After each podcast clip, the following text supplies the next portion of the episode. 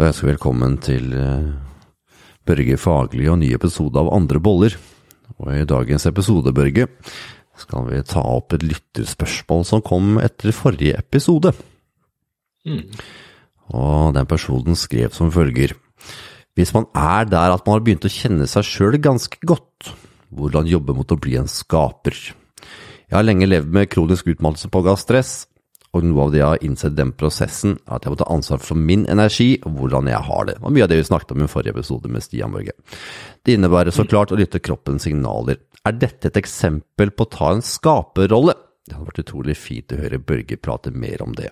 Lot jeg personen som eh, sendte inn det spørsmålet være anonym, så for deg som sender spørsmål, noe vi syns er utrolig hyggelig, så si gjerne ifra om du vil at vi skal si navnet, eller om du vil at vi skal være anonym.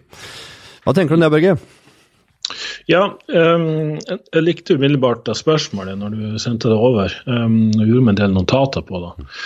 Uh, jeg har jobba med uh, mennesker med kronisk utmattelsessyndrom og ser en del fellestrekk der. Og, og, klart Selv om de lærde strider som var opphavet til det her egentlig er, da, så uh, fra et sånn rent medisinsk eh, ståsted så kan det være et sånt latent Epstein-Barr-virusinfeksjon, altså fra kyssesyken, eh, som man enten vet om eller ikke vet om i det hele tatt.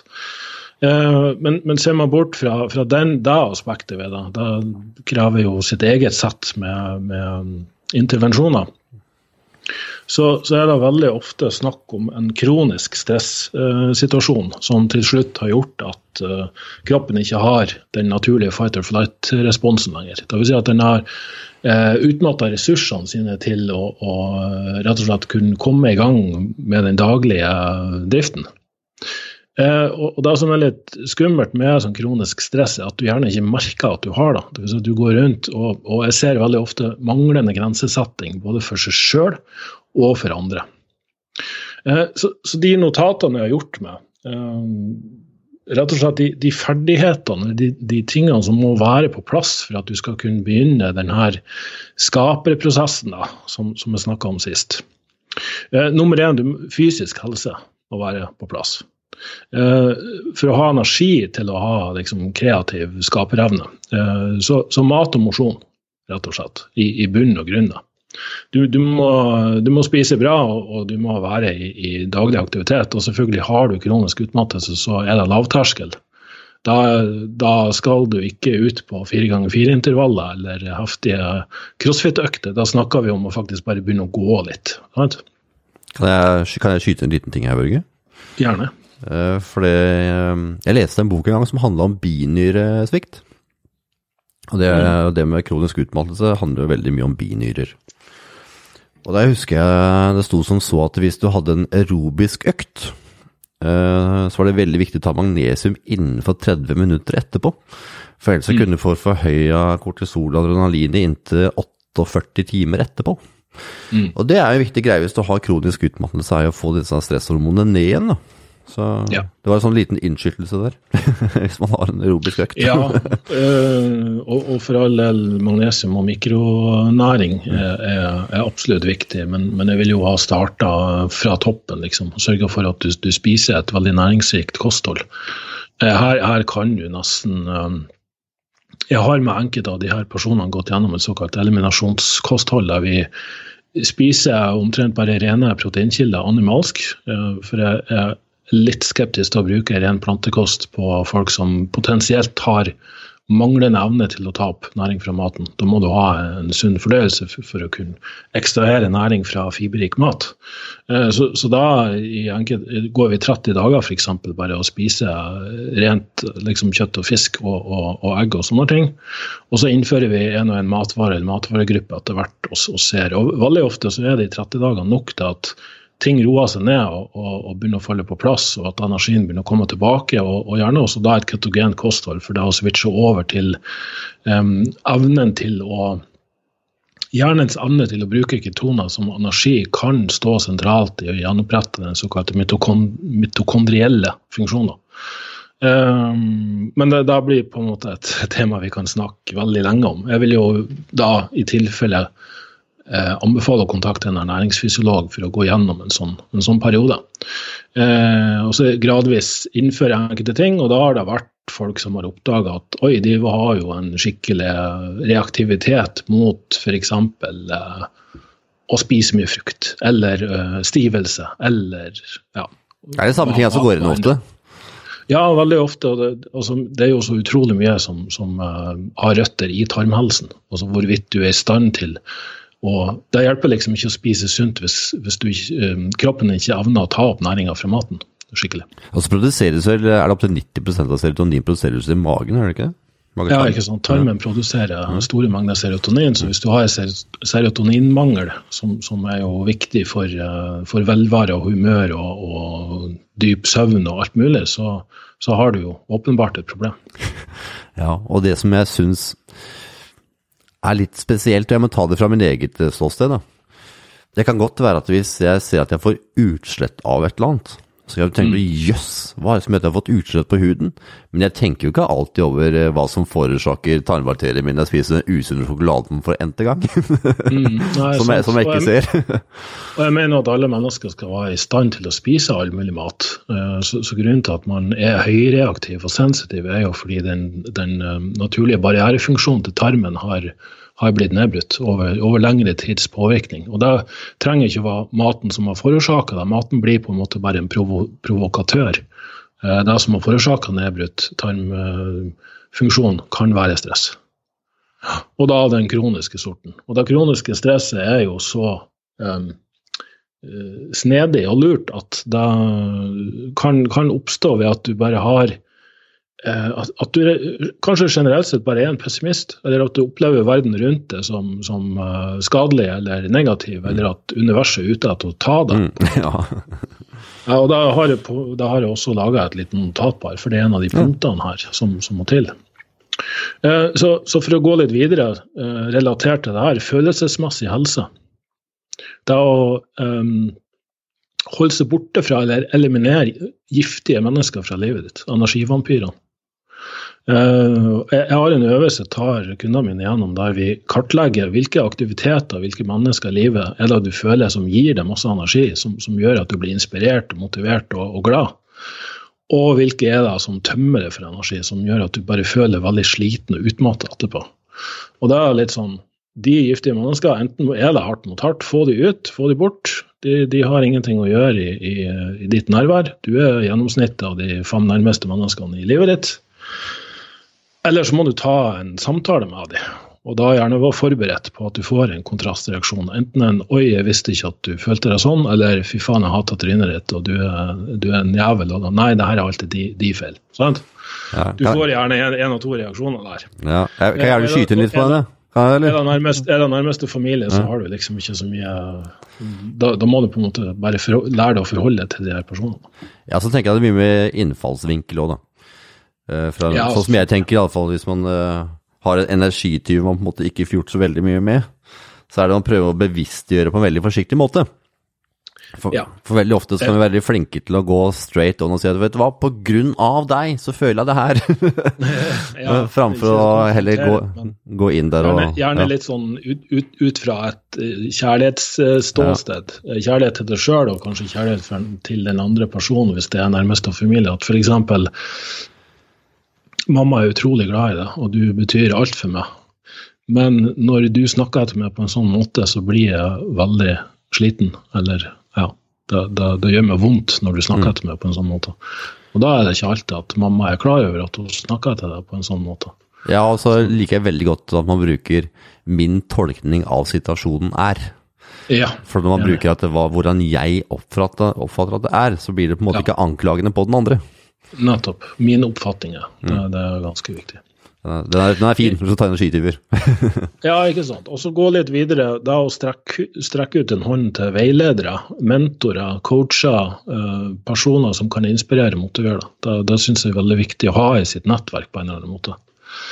Uh, det å snakke, kunne ha personlige samtaler med, med mennesker som, som, har kommet gjennom det du har vært gjennom sjøl. Det, mener jeg er ganske viktig. Uten tvil.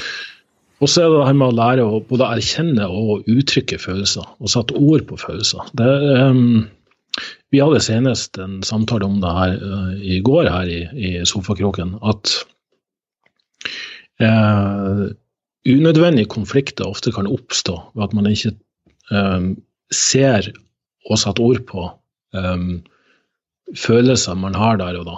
Også, eller oppfatninger av situasjonene, gjerne. Uh, og så lar det gå altfor lenge, sånn at det koker over i topplokket, og du gjerne skaper historier av frø, tankefrø, av, av liksom frø som i utgangspunktet var helt uskyldig og ufarlig. Og så blir det en større greie av. Og så eksploderer det gjerne, og så blir det en sånn mye større greie enn det hadde trengt å være. Så, så da vet jeg sitter veldig langt inne for folk. Altså, Damer er jo mye flinkere til å snakke om følelser. Vi, vi gutter vi, ja, vi, begynner å snakke om eh, liksom, hvorvidt uh, Solskjær vil fungere som manager eller ikke. Ja. Det er nesten sånn at sport er skapt for at vi menn skal slippe å snakke om følelser. Skjønner du?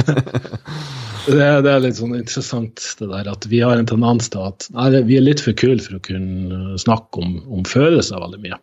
Ja. Eh, men, men, i hvert fall når det her gjelder dine, og Det er ikke dermed sagt at du skal gå rundt og snakke om følelsene til alle, men at du i hvert fall har en person du kan dele følelser med. Mm. Det tror jeg er veldig viktig. Og så er det jo åndelig og psykisk helse. da at du, eh, på da, Igjen tilbake til det spirituelle vi snakka om sist. Det å ha en sånn overordna tro på, genuin tro på, at uansett hva som skjer, så vil det ordne seg den, den har jeg virkelig uh, um, Viktig, da. At, at, ja, at det ble også innsett er, er sant. Mm. For nesten, altså, du, du kan um, Det er essensielt, tenker jeg. Ja, altså jeg mener, når du møter problemer i hverdagen din, uh, så, så, virker de så store og uoverkommelige der og da. Men så kan du begynne å tenke tilbake på hvor mange slike tilsvarende problemer har du hatt tidligere, og hva tenker du om de i dag? Jeg lærte f.eks. én teknikk. Hvis du, du, har et barn som er, som er, krakilsk og vanskelig, og du kjenner at det bruser inni deg, og herregud, hva skal jeg gjøre, og du blir frustrert og oppgitt. Og det har jeg gjort gjentatte ganger og kjent på. Um, så prøv å forestille deg at du er ti år fram i tid, og tenke tilbake på denne situasjonen. For det er sånn det her er et lite sånn en dråpe i havet. Det, det, inconsequential. Det er irrelevant i den store sammenhengen. Perspektiv?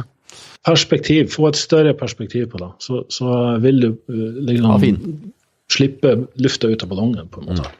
Og perspektiv er så viktig, Børge. Jeg er nødt til å bare ta drodle litt på den eh, perspektivbiten før vi går videre. Ja. For veldig ofte når vi sitter i en situasjon, spesielt stress, så sitter vi jo fastlåst i en liten detalj veldig ofte.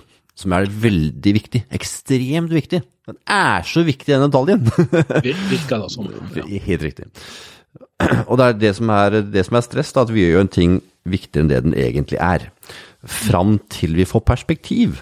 For i det øyeblikket vi får perspektiv sånn som du gjorde her, da, så blir det bare ah, var det ikke verre, egentlig?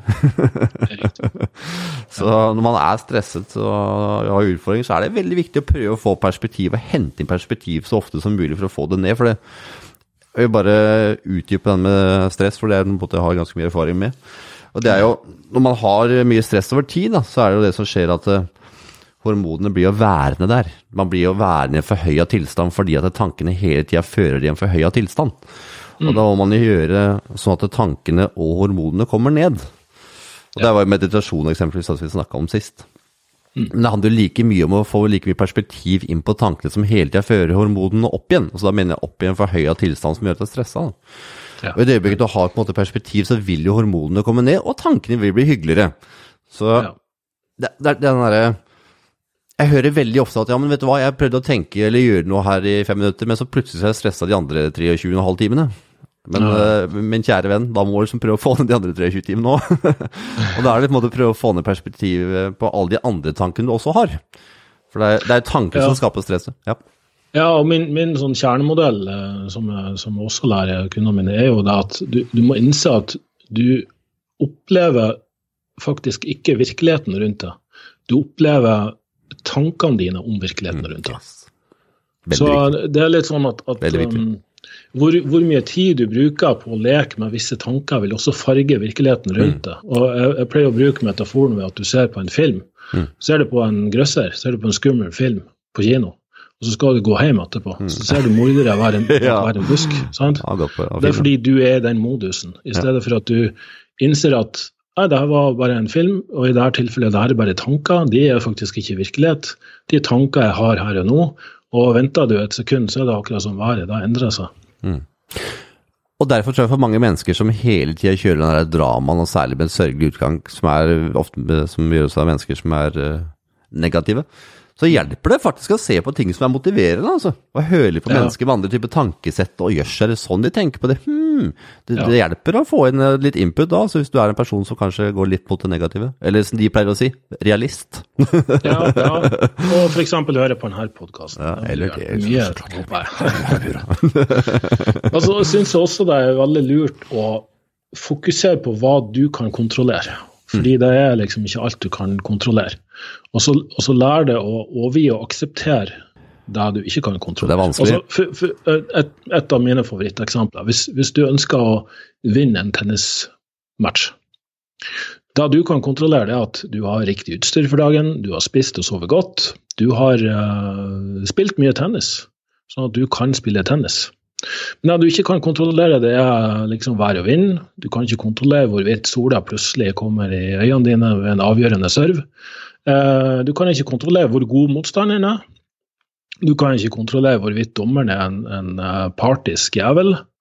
Så, så, alle de tingene kan du ikke kontrollere. Så uavhengig av utfallet av den tenniskampen, så vet du at da du har hatt kontroll over det, har du gjort det beste med. Du har spilt så god tennis du kan. Altså Utfallet av kampen det kan være basert på så mange ting utenfor din egen kontroll at da hjelper det liksom ikke å gå så veldig lenge og så føles det som en taper fordi du tapte. Og det, er sånn vi må forholde oss til livet også. Fokusere på hva du kan kontrollere. Ta på deg setebeltet. Stopp på rødmannen, gå på grønn. Eh, spis mat som er bra for deg, og, og sørg for at du har daglig aktivitet. Men eh, hva universet vil med det, liksom. Igjen, ha en overordna um, tankegang om at det her kommer til å ordne seg uansett. Men de hindringene som måtte oppstå, er, er liksom problemer for å løses, for å skjerpe evnen din til å håndtere livet ditt, tenker jeg da. I stedet for at å, fy faen, livet er så urettferdig. Det her skjer alltid med meg, typisk med blad i blad. Og veldig ofte så er det jo mennesker som har utfordringer med stress, er mennesker som ønsker å kontrollere alt. De ønsker å ha kontroll på alt, de måte at ting skal være riktig eller perfekt, eller hva du ønsker å putte i den kategorien. Så det ja, de stiller man, liksom krav hele tida til at mennesker rundt dem må respondere på en gitt måte, eller så du, blir du deprimert. Og ting må liksom innordne seg til, til alt det du forventer og krever, ellers så er alt horribelt og forferdelig. Noe som er helt da, umulig, kjære lytter. ja, det blir, fryktelig, det, det blir et fryktelig stressende liv. Fordi det er så sjelden at ting går akkurat som du krever eller forventer. Det med å slippe kontroll, Børge, det kan vi ta oss og bruke noen minutter på. For det er en eh, Det er utrolig vanskelig for mennesker som har et stort behov for å ha kontroll på ting. Og mennesker som eh, planlegger alt til detalj. De tenker gjennom alt de skal si. Alt er helt i full kontroll. Da er det enklere sagt gjort å si det at vet du hva, Alt ordner seg, kjære venn. Det er ikke så mye, ja. ikke så mye å tenke på. Kontroller det du kan. Det er ikke så lett, det der, altså. Den er veldig utfordrende. Ja, jeg, jeg ser det, jeg skjønner det. Og ta det fra en som har brukt mye av livet sitt på å kontrollere alt. Um, Den tar tid å komme over. Ja, og det er et sånn stort paradoks og en, en, mindfuck av de store. Fordi jeg har liksom opplevd at eh, Det er liksom Når, når når, når, du oppnår en sånn klarhet på det her, så at, at uh, ting på en måte ordner seg uansett, og, og, selv problemer som er store, de vil gå over. og Du har de verk, du har allerede verktøyene du trenger for å løse alt. Så, så det her går på en måte bra, da. Så, så har universet en måte å, å, flytte rundt brikkene på, sånn at det umulige blir mulig. Mm. Uh, det høres veldig sånn hippieaktig ut. det det. Men, men, men uh, det er egentlig ganske interessant at når, når, du er veldig klar på intensjoner, og du, du har en viss retning på, på, ting, og så bare en sånn tro på at det ordner seg Det er jo vitenskapelig bevisst at optimister har mer flaks. Mm. Ja, Hva er egentlig flaks? Det er det filteret du opplever verden din rundt sitter med. Så, så når, du, når, du, begynner å tillate ting å flyte litt mer sånn naturlig, i stedet for å skal fremtvinge alt, at alt skal uh, presses inn i en boks, en plan, en forhåndsbestemt uh, greie, da, så, så, så, går alt så mye bedre, og du, det, du får det så mye bedre med deg sjøl også. Da liksom leve litt mer i aksept. Jeg hadde en uh, podkast på mentaltrenerpodkast med Alex Rosén uh, i går, uh, eller her om dagen, Børge. Oi. Alex Rosén kjenner du til? Ja, ja, ja. Livlig artig, livlig, artig type. Skikkelig kul fyr, ja. Jeg spurte ham om det der med positiviteten, da. For han er jo veldig positiv fyr. ikke sant? Han er jo sånn framoverlent som alltid har veldig masse energi. Ja. Og får til de mest utrolige ting. Plutselig ble han spurt om å holde foredrag på Jamaica, liksom. Ja, ja. Alex Rosén fra Norge på, i Jamaica. Ja. Og så sier han at Vet du hva, Frank. Det som er veldig, veldig viktig i livet, det er å stille deg klar for hugg for flaks. så det var liksom hans eh, måte å tenke på. Vet du hva? Du må være klar for hugg for flaks. Og hvis den flaksen kommer, så må du gripe muligheten. Du må være positiv, og så må du være der. Ja, jeg og det er kan viktig. ikke være mer enig, altså. Det er helt riktig. Være klar for hugg for flaks. Ja. um, ja, nei, også for å gå litt sånn videre, da. Det, liksom det åndelige og psykiske helsa der, for, for, veldig mye av det her må liksom være på plass. Um, og så er det kanskje også viktig å finne ut hvem du er. Og det, å, eh, det, det er litt sånn skummel, fordi det er sånn um, det å finne seg sjæl-greia kan føre til at folk ofte handler på impuls og, og liksom selger alt og reiser ut på backpackertur. Deilig, liksom, for all del. For all del liksom. uh, men, men, jeg tenker at um, for, for, å finne ut av hva dine verdier er, så, så kan du ta en sånn liten uh, inventory. altså Ta sånn, et overblikk, et større overblikk over hva er det du foretar deg av handlinger. For jeg vil gjerne peke på et mønster. Hva er det du gjør? Hva er det, hva er det du liksom uh, hva, hva, er det som, som, som, som gir deg noe? Og, og da, vil du, da, vil du, se et mønster at okay, det er veldig tydelig hvilke verdier som er klar for deg. Og, og hvis ikke, så, så, kan du gjerne være oppmerksom på hvilke mennesker eller kvaliteter i folk som du liker eller misliker. Og, og kanskje enda mer, hva er det du misliker? Så hvis du de, ja, begynner å forestille de menneskene du virkelig bare hater, misliker, hva, hvilke verdier står de for? Mm. Hva, hva, er det de gjør som provoserer deg og irriterer deg så mye? Og så skriver du gjerne det her ned på et ark, de ordene som symboliserer hva de her menneskene står for, som du virkelig genuint hater med hele ditt hjerte. Og det motsatte av det her ordet er gjerne din kjerneverdi. Og det er jo selvfølgelig da fordi at det som er sterke kjerneverdier og utrolig viktig for deg, mm. du, vil, du, vil, reagere mest negativt på folk som symboliserer det motsatte av det. Absolutt. Så en liten sånn snarvei da, for å liksom finne ut av det. Og Har du et lite sånn kart da, på hva, hva, dine kjerneverdier er, så er det gjerne noe som heter at avstand mellom hva du gjør i forhold til kjerneverdiene, er lik depresjon og angst. Mm. Har du hørt den før? Mm. Veldig mange ganger. Ja, ja, det gir jo på en måte mening, fordi Forkynna denne gangen. Hvis, hvis, hvis, du begynner å gjøre veldig mange ting i livet ditt basert på gjerne forventninger fra andre, eller eh, påvirkning utenfra, altså ekstern påvirkning, i stedet for at det kommer fra hjertet ditt og dine kjerneverdier, så vil det til slutt medføre at du får det ikke spesielt bra med deg sjøl. Jeg hadde en sånn diskusjon med en, eh, med en diskusjon, samtale med en person for litt siden. Og personen var veldig opptatt av å tjene mest mulig penger, og tilby mm. mesteparten av tiden sin på jobb. Ja. Mens uh, min tanke var at uh, så lenge jeg kan gjøre det jeg ønsker å gjøre, så vi snakket litt om mm. første episode, og kanskje ikke mm. tjene like mye, så er jeg kjempefornøyd. Da vet jeg at når min siste tid har kommet, så kan jeg si hva, den tida jeg var på jorda her, da fikk jeg brukt den til det jeg hadde lyst til å gjøre, og det angrer jeg ikke på et sekund. Så, så ser man på en måte den derre man er kjempefornøyd, og man er i nærheten av som du sa, kjerneverdiene dine, mens de personene som ikke gjør det, men gjør det som forventes, de går veldig ofte rundt og er negative. Eller gjerne er litt på depresjon. Eller angst hvis du føler at de skikkelig er ordentlig ute å kjøre. ja, ikke sant. er ordentlig langt unna, så det er viktig den der. Ja, Men det er vanskelig, Børge. Jeg må nødt til å ta den her òg, for, det- for deg som hører som tenker at ja, men vet du hva, jeg skulle gjerne gjort det jeg elsker å gjøre, ja, altså, Frank, men det er enklere sagt gjort når du har tre barn og hus og hytte og båt, og det er ikke like enkelt å si adios og hoppe og gjøre det man har lyst til å gjøre. Det er, det er, en, det er en prosess. Og det er viktig Ja, å presisere at alt vi snakker om nå er en prosess.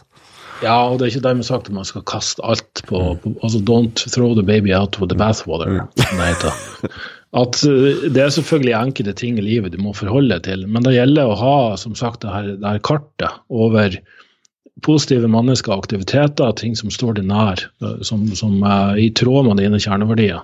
Så har du de helt nøytrale tingene som du Altså, Jeg gjør i regnskap fordi jeg vet at jeg må da. Jeg hater det ikke, men det er, liksom, det er ting jeg må gjøre. da. Så det er enkelte ting jeg må forholde meg til som er nøytralt, og det trenger jeg ikke å gjøre så veldig mye med. da. Men du bør jo i hvert fall fjerne ting som er veldig negative, som, som virkelig eh, tømmer deg fullstendig for livskraft. Folk som krysser dine kjerneverdier fullstendig, og, og da å gjøre ting på daglig basis sånn som bare virkelig sliter det ut, og for, måtte forholde seg til situasjoner eller, eller handlinger eh, som, som du egentlig bare føler at du blir tvinga til. Da, da tenker jeg at hvor, hvor viktig er penger kontra livskvalitet? Du kan, ofte- satt du kan ikke sette pris på livskvalitet, tenker jeg. Men veldig ofte så handler det om forutsigbarhet og kontroll igjen for veldig mange. Da. Så den der, kan vi snakke litt om når man får eh, motsigende verdier som er viktige for, for seg, eller? For veldig ofte så oppstår det også. At man eksempelvis har lyst til å ha kunne reise det man vil. Man vil gjerne ha økonomisk trygghet med forutsigbarhet. som, er, som er ofte veldig utfordrende å få til. Da. Så mange av oss har jo veldig motstridende viktige verdier. Og det er derfor det ofte får sånn intern konflikt. Vi har veldig lyst til å reise og gjøre én ting, men så kan vi ikke for at den andre verdien er viktig, den òg. Så hvordan løser man den utfordringa, Børge? Jeg tenker man må kunne gjøre litt, litt av alt. Altså, jeg elsker å reise, men jeg innser jo også at jeg kan ikke reise hele tida. jeg har jo en, eh, en venn av meg, uh, Menno Henselmanns, som er en såkalt digital nomade. Han bor en, kanskje to måneder på hvert sted, og så reiser han rundt til et helt annet sted i verden. Og han syns jo den livsstilen er veldig fin, men, men personlig, uansett hvor mye jeg elsker å, å reise, så tror jeg ikke jeg kunne levd sånn heller. Nei. Så det gjelder å finne liksom den balansen som gjør at det er greit for deg, at du er OK med å kanskje være i en hverdag, rutinemessig hverdag. Jeg står jo også midt oppi en hverdag som kan innimellom virke litt slitsomt, føles litt slitsom. Um, men, men um, det handler jo igjen om hvordan du tar deg, ikke hvordan du har det. sant? At du klarer å forholde til den hverdagen, fordi du vet at der fremme så, så, så skal du ut på tur. Nå har vi planlagt en tur i påsken f.eks. Og da blir straks de her ukene med litt sånn jobb og, og eh, syke barn og, og natterangling og sånn. Ikke natterangling i form av fyllerangling, men, men at et barn som ikke vil sove fordi det er sykt, da påvirker jo selvfølgelig ganske mye. Så, så har vi på en måte allikevel noe som gjør at vi holder ut, da. Skjønner du? Og det er jo igjen den overordna trua på både at ting ordner seg, det her blir bedre, og at vi har nok ting å se fram til og glede oss til.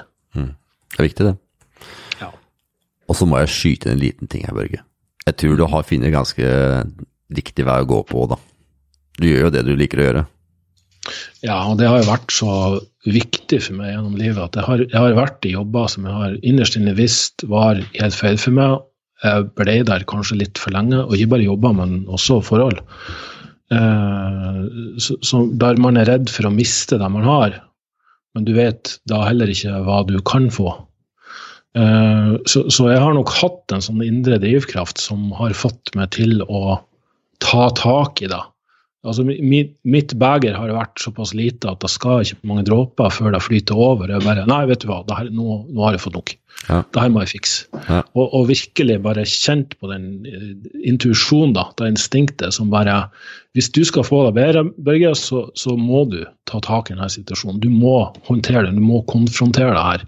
Face the poison, liksom, og så face the storm, liksom, og så bare stå i det og holde ut fordi det blir bedre når det her har gått over. Og da er det opprivende som pokkeren. Det er, det er tøft å stå i det, men, det? men da må du virkelig bare gå i det sjøl og kjenne at du, det her er viktig nok til at jeg må bare holde ut at det her er tøft. Fordi jeg vet at det må til for å få det mye bedre. For deg som lytter, eh, føler du at du har fått svar på det med skaperrolle nå? Tror du det, Børge? Jeg vil uh, skyte inn en siste ting der. Kreativ helse. Det, det å være kreativ hver dag altså, um, Når du har fått de her tingene på plass, så vil det være mye bedre å leve litt i den flyten, da. Altså, når, når du begynner å anse verden som et tomt lerret, så, så, vil uh, suksess, rikdom, hva, hvordan du nå enn definerer det, det vil slutte å være mål som skal forfølges og kaves etter. Men, men, det vil heller bli en naturlig konsekvens av at du liksom jeg, jeg, liker det som Mark Manson sier, en, en av mine favorittforfattere. Find out, find out, what you love and let it kill you. Oh, ja, du, du, står i, i, i, tykt og tynt mm. gjennom hva enn det måtte være, fordi du har en, en passion, du har en drivkraft, du har en sånn, sånn sterk eh, intuisjon på, på, hva du ønsker å gjøre med livet ditt. Mm. Ja, det var fint. Og, og, den kommer fra det, den kommer fra hjertet ditt. Du, du liksom slutter å prøve å skape ut, ut av personlige behov og ønsker. Eh, og, og, eller gjør det som, som, som, eh, ja, som, rett og slett kommer fra hjertet ditt. Da, da blir alt så mye lettere. Og, og, gjerne da begynne å øve på å være kreativ, for det er jo litt det her med å gjøre hjernen til en idémaskin. Det er en treningssak. Mm. Eh, igjen på samme måte som om um, Ta et sånn veldig simpelt, banalt eksempel. Mm. Hvis jeg, jeg, har jo en, en av mine favorittaktiviteter å sitte på Finn og, og, og, søke på fine biler. Okay. Ja, Eller å se på biler. For det, jeg har vært bilgal siden jeg var liten gutt. liksom. Og Da er det veldig interessant hvis jeg søker på en bestemt bilmodell, ja, ser på priser og litt forskjellige sånne ting, hva det ligger på, og hestekrefter og hele den greia der, som er veld, veldig guttete. Og så tar jeg meg en kjøretur, og så ser jeg den bilen overalt. Er ikke det litt rart? Det er helt utrolig. Er det fordi Gud eller universet brått har passert veldig mange biler langs den veien jeg kjører, eller kan det være fordi jeg har innstilt hjernen min på å se etter? Kalv fokus, dere. Ikke sant. Ja. Så med en gang du da begynner å eh, innstille det Her er jo klassisk. Går du inn uh, Har du fått lov til å besøke Google en dag, så, så ser du virkelig hvordan det her fungerer i praksis. Du, du, folk sitter og er liksom bare i kreativ modus og skape. Og med en gang du tillater hjernen din å begynne å skape, så er det utrolig hvor mye som flyter ut av den. Si at du, du satte som mål å, å skape ti ideer hver dag. Notere ned, har en sånn, eh, et ark eller et eller annet. Du bare ja, kommer opp med ti ideer. Ideer om hva? Og så skal Børge. du ha som intensjon at Ideer om hva, Børge? Hva sa du? Ideer om hva? Litt mer konkret. Hva som, hva som helst, tenker jeg. Hva okay. som helst. Ja. Alt ifra oppfinnelser til uh, hva du skal spise, til hva du skal okay. gjøre. Altså, ja. Jeg tenker Med en gang du bare setter inn i den modusen, og det her er veldig viktig For de perfeksjonistene der ute som gjerne vil at alle de ti ideene skal være perfekt, så ødelegger du skapergleden din. For da blir det en, en sånn, igjen en sånn fremprovosert greie der du skal liksom skape noe fordi du, det her skal bli suksess. Mm. Så, så, det viktige er å anse det her som trening. Mm. Eh, moro, ikke minst. Å, si, å, si at du, skal, at du kommer opp med ti, eller mellom fem og ti ideer hver dag. Mm. Og du gjør det et helt år. Så har du mellom eh, Ja, du har opptil 30 000 ideer i løpet av et år. Mm. Og hvis bare 0,1% av de ideene er, er verdi, at, at, det er virkelig ting som kan forfølges og du, Si, si at du, du forkaster eh, 29 990 av de 30 000 ideene. Så det er fremdeles ti veldig gode ideer som kan brukes, og kanskje til og med kombineres. Så, så greia er bare, Nå er ikke det her noe mål man skal strekke seg etter, like lite som jeg syns at du skal strekke deg til å gå 10 000 skritt hver dag. Jeg, jeg, jeg mener da, da flytter fokus over på, noe, på, på, på, igjen en endestasjon og et mål i stedet for prosess. Så, så det er viktig å bare engasjere seg litt i den skaperprosessen og begynne å se på hva du kan få til i livet ditt. Og da, da begynner hjernen, tro det eller ei, så begynner det å komme opp veldig mye interessante ting. Altså. Og så er det veldig lurt å også set yourself up for success and not failure. Og da tenker jeg at det med å gå en tur, eller ta en liten joggetur, eller en dusj eksempelvis, Det hjelper til å starte den kreative prosessen.